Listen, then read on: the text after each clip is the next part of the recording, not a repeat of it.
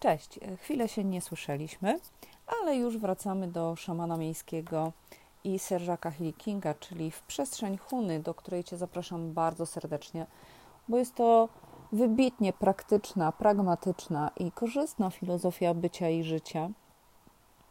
I warto y, o niej cokolwiek wiedzieć, lub też wiedzieć więcej, jeżeli akurat tak poczujesz. Podstawowe zasady szamańskie. I oczywiście ten rozdział dotyczy jak najbardziej Huny, dotyczy siedmiu praw, siedmiu zasad Huny, które są jej fundamentem, ale są bardzo uniwersalne. Sam, sama zresztą za chwilę to usłyszysz. Moi nauczyciele opowiadali mi, że bardzo dawno temu zgromadziło się kilku mądrych uzdrowicieli, by podzielić się swoimi spostrzeżeniami na temat życia i uzdrawiania oraz ująć je w formę, której można łatwo nauczać i którą można zapamiętać jako rzemiosło. Chociaż wysunęli setki pomysłów, do wyrażenia swojej mądrości wybrali siedem podstawowych zasad ze względu na ezoteryczną symbolikę liczby siedem. Są to przede wszystkim zasady pojawiania się i ukrytej czy wewnętrznej przyczyny zewnętrznych zdarzeń. W wielu starożytnych tradycjach liczba 7 oznacza wewnętrzną wiedzę, ponieważ składa się z liczby 3 i 4, które z kolei reprezentują pierwotne siły męską i żeńską, czyli biegunowość wszechświata.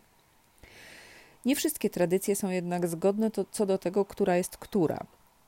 W języku hawajskim liczba 7 to hiku, składające się z dwóch sylab. Hi zasady żeńskiej oznaczającej płynąć oraz ku zasady męskiej oznaczającej stać pewnie. Siedem zasad szamańskich. Owe siedem zasad szamańskich poznałem w ich hawajskiej formie jako siedem pojedynczych słów mających wiele szerokich znaczeń. Jednak w celu nauczenia tej wiedzy w kulturze zachodniej musiałem każde z tych słów przełożyć na proste zdanie. Niebawem okazało się, że te Proste zdania nie wystarczą, by oddać istotę każdej z zasad, więc do każdego zdania dodałem parę wniosków. Poniższe zasady i wnioski stanowią użyteczną filozofię życia i przewodnik po praktyce szamanizmu miejskiego. Zasada pierwsza Ike. Świat jest taki, jaki myślisz, że jest. W zależności od punktu widzenia, tykwa z wodą może być w połowie pusta albo w połowie pełna. Zależnie od planów, deszcz może być dobry dla zbiorów zboża albo zły na piknik. W zależności od podejścia, problem może być przeszkodą albo wyzwaniem. Są to wyraźne, oczywiste i zrozumiałe sposoby, w jakie myślenie wpływa na nasze doświadczenie.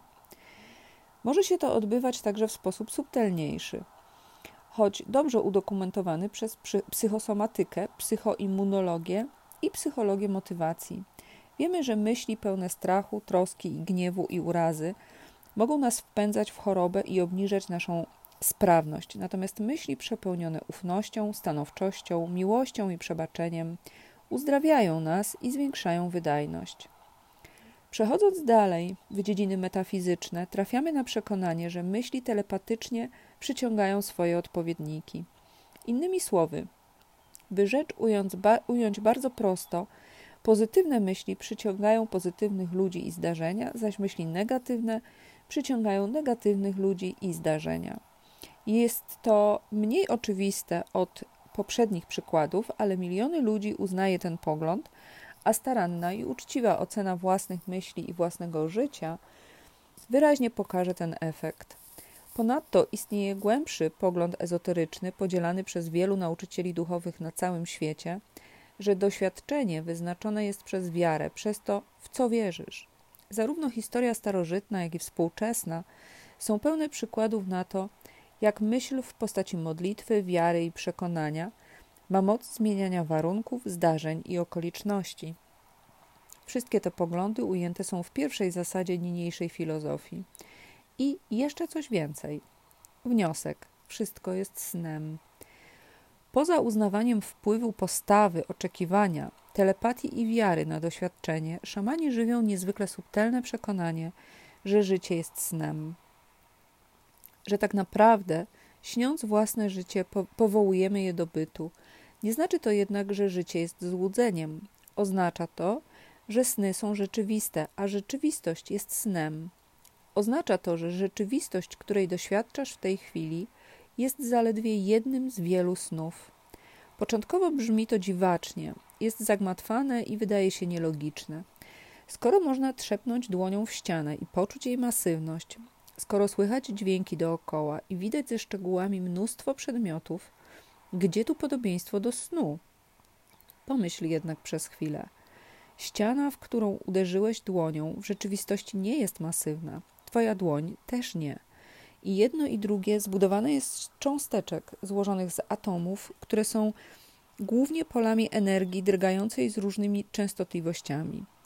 Jedynym powodem, dla którego twoja dłoń nie przeszła przez ścianę, był fakt, że zarówno dłoń, jak i ściana wibrują na częstotliwościach tak, z tak zbliżonego zakresu, iż nastąpiła wzajemna interferencja. A przecież równocześnie takie na przykład fale radiowe i telewizyjne przenikają przez ścianę i twoją dłoń, jakby ich tam wcale nie było. Kiedy walnąłeś w ścianę, nie, nie uderzyłeś masywnego przedmiotu. Zamiast tego spotkały się dwa pola energii i stosowna informacja została przesłana do Twojego mózgu, gdzie w oparciu o pamięć została zinterpretowana jako doświadczenie uderzenia w ścianę. A dźwięki, które słyszysz? Załóżmy, że chodzi o muzykę. W rzeczywistości to, co słyszysz bezpośrednio, nie jest muzyką. Doświadczasz wzorca drgań falowych, falowych przenoszonych przez powietrze, które uderza w bębenek ucha i zostaje przełożony na elektryczny impuls nerwowy odbierany przez Twój mózg.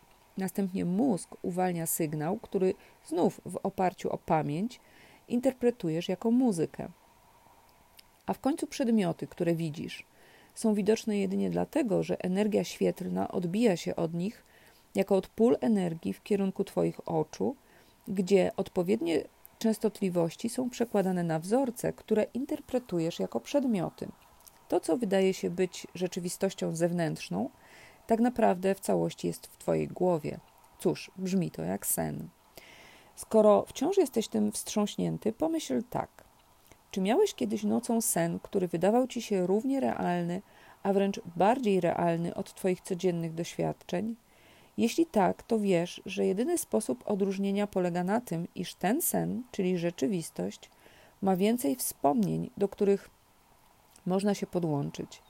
Jednakże z punktu widzenia szamana, wspomnienia to tylko kolejne sny.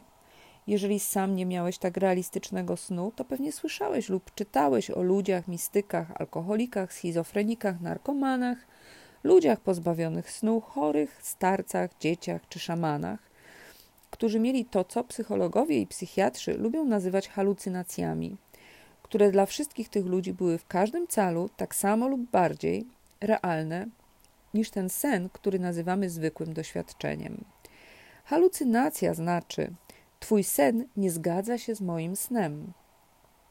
Zważ, że jedynym sprawdzianem, jakiemu poddajemy realność takich przeżyć, jest to, czy ktoś inny już czegoś takiego doświadczył. Jednakże nawet to nie, nie zawsze wystarcza. Jeżeli złościsz się, że jakieś doświadczenie cię omija, albo nie podoba ci się to, co inni opowiadają o swoich przeżyciach, zawsze możesz to nazwać zbiorową halucynacją. Dla szamanów doświadczenie tego, co nazywamy zwykłą, codzienną rzeczywistością, jest zbiorową halucynacją, lub, by rzecz, rzecz ująć delikatniej, wspólnym snem. To tak, jakbyśmy wszyscy mieli swoje własne sny o życiu, zaś elementy wspólne powstawały w punktach, co do których bylibyśmy zgodni. Gdybyś na przykład był w tej chwili u mnie w biurze, to obaj zapewne zgodzilibyśmy się, że pracuję przy komputerze, na którym wyryte jest słowo love, a przed nim stoi jadeitowa figurka maoryskiego bożka z Nowej Zelandii. Jednak zapewne nie umiałbyś poczuć ani zobaczyć pola energii wokół jadeitu, a ja pewnie nie wyczułbym zapachu Twojej wody po goleniu, ani nie usłyszałbym muzyki dochodzącej ze słuchawek Twojego odtwarzacza. Jedyne fragmenty naszych snów byłyby wspólne, inne nie. Oczywiście zawsze mógłbyś się nachylić tak, żebym poczuł Twój zapach lub nałożyć mi słuchawki, żebym usłyszał muzykę. Z kolei ja mógłbym nauczyć Cię odczuwania energii jadeitu – Nie dowodzi to jednak niczego na temat snów ani rzeczywistości, ponieważ równie dobrze możemy nauczyć się dzielić tymi doświadczeniami, które zwykle nazywamy snami. Jako ludzie praktyczni, szamani miejscy wiedzą, że ten punkt widzenia ma określony sens. Jeżeli to życie jest snem i jeżeli możemy całkowicie się z niego przebudzić, to możemy zmienić nasz sen, zmieniając sposób śnienia. Zgłębimy w tej książce wiele sposobów zmiany snu o życiu, z których większość zadziała na ciebie niezależnie od tego, czy uznasz, że życie jest snem, czy nie. Jednakże dla Was, którzy ośmielicie się eksperymentować z takim poglądem, otworzą się bramy ku wspaniałej przygodzie, pełnej wyzwań i możliwości. Wniosek. Wszystkie systemy są arbitralne. Istnieje opowieść, opowieść o pewnym młodzieńcu, który wyprawił się w niebezpieczną i czasochłonną podróż, by odnaleźć mądrego starca i zapytać go o sens życia.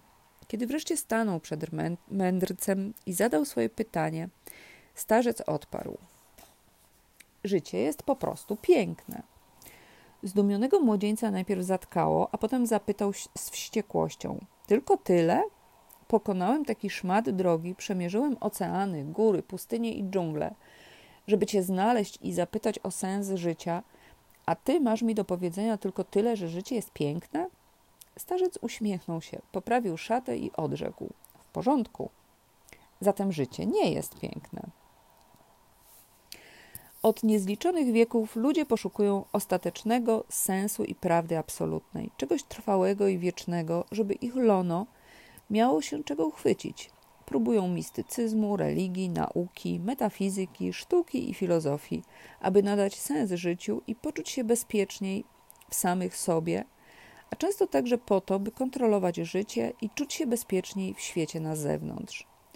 Szamani przedstawili własne rozwiązanie zagadnienia sensu życia, polegające na logicznym rozbudowaniu przekonań, że wszystko jest snem, a świat jest taki, jaki myślisz, że jest.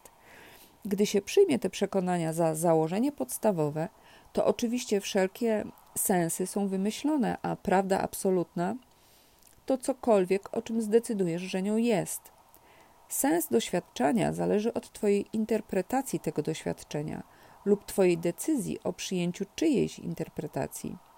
Arbitralna jest także decyzja o przyjęciu jakiegoś podstawowego założenia. Zatem wszelkie systemy opisujące życie i jego funkcjonowanie są arbitralnie wymyślone w oparciu o określone decyzje co do przyjęcia określonych interpretacji doświadczeń. Naprawdę liczy się więc nie to, czy jakiś system jest prawdziwy, bo to pojęcie arbitralne, lecz to, jak dobrze działa dla ciebie. System znany jako Huna ze swoimi siedmioma zasadami uważa się za równie arbitralny i wymyślony jak każdy inny system.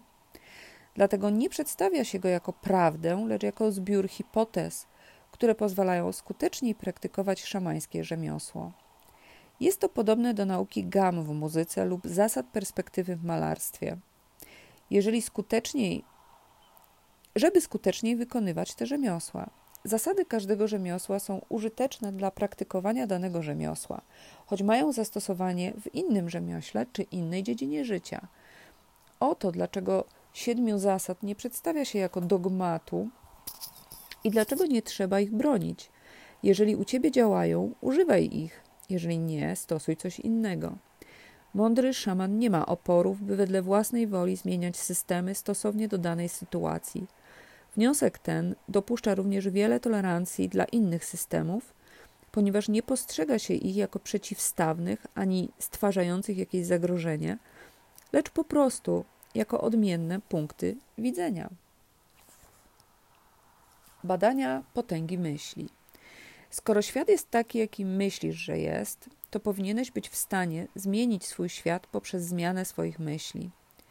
Usiądź wygodnie z otwartymi oczami, przekręć głowę w lewo tak daleko jak zdołasz, po czym spójrz przed siebie.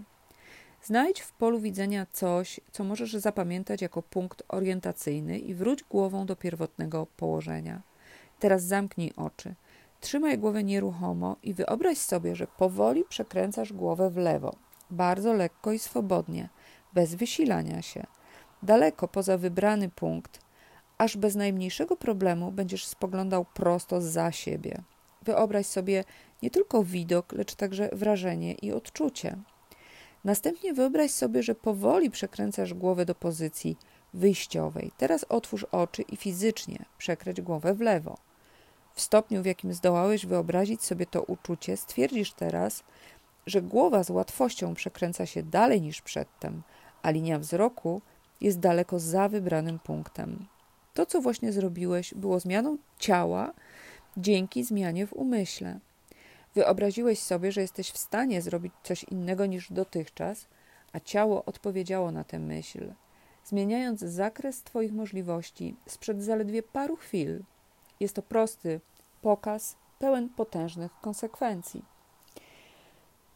No tak, y, na tym skończymy dzisiaj, bo y, to są dosyć długie rozdziały. Mamy siedem zasad, podzielimy je na siedem rozdziałów. Towarzyszył nam e, biały szum, szum oceanu. I cóż mogę powiedzieć? Życzę Ci wszystkiego dobrego. Zapraszam do następnego odcinka. Jeżeli podobają Ci się przekazy, które tutaj są na moim podcaście, to proszę subskrybuj, podeślij komuś, komu się to może przydać. Zostaw komentarz i do zobaczenia, do usłyszenia następnym razem. Pa, pa.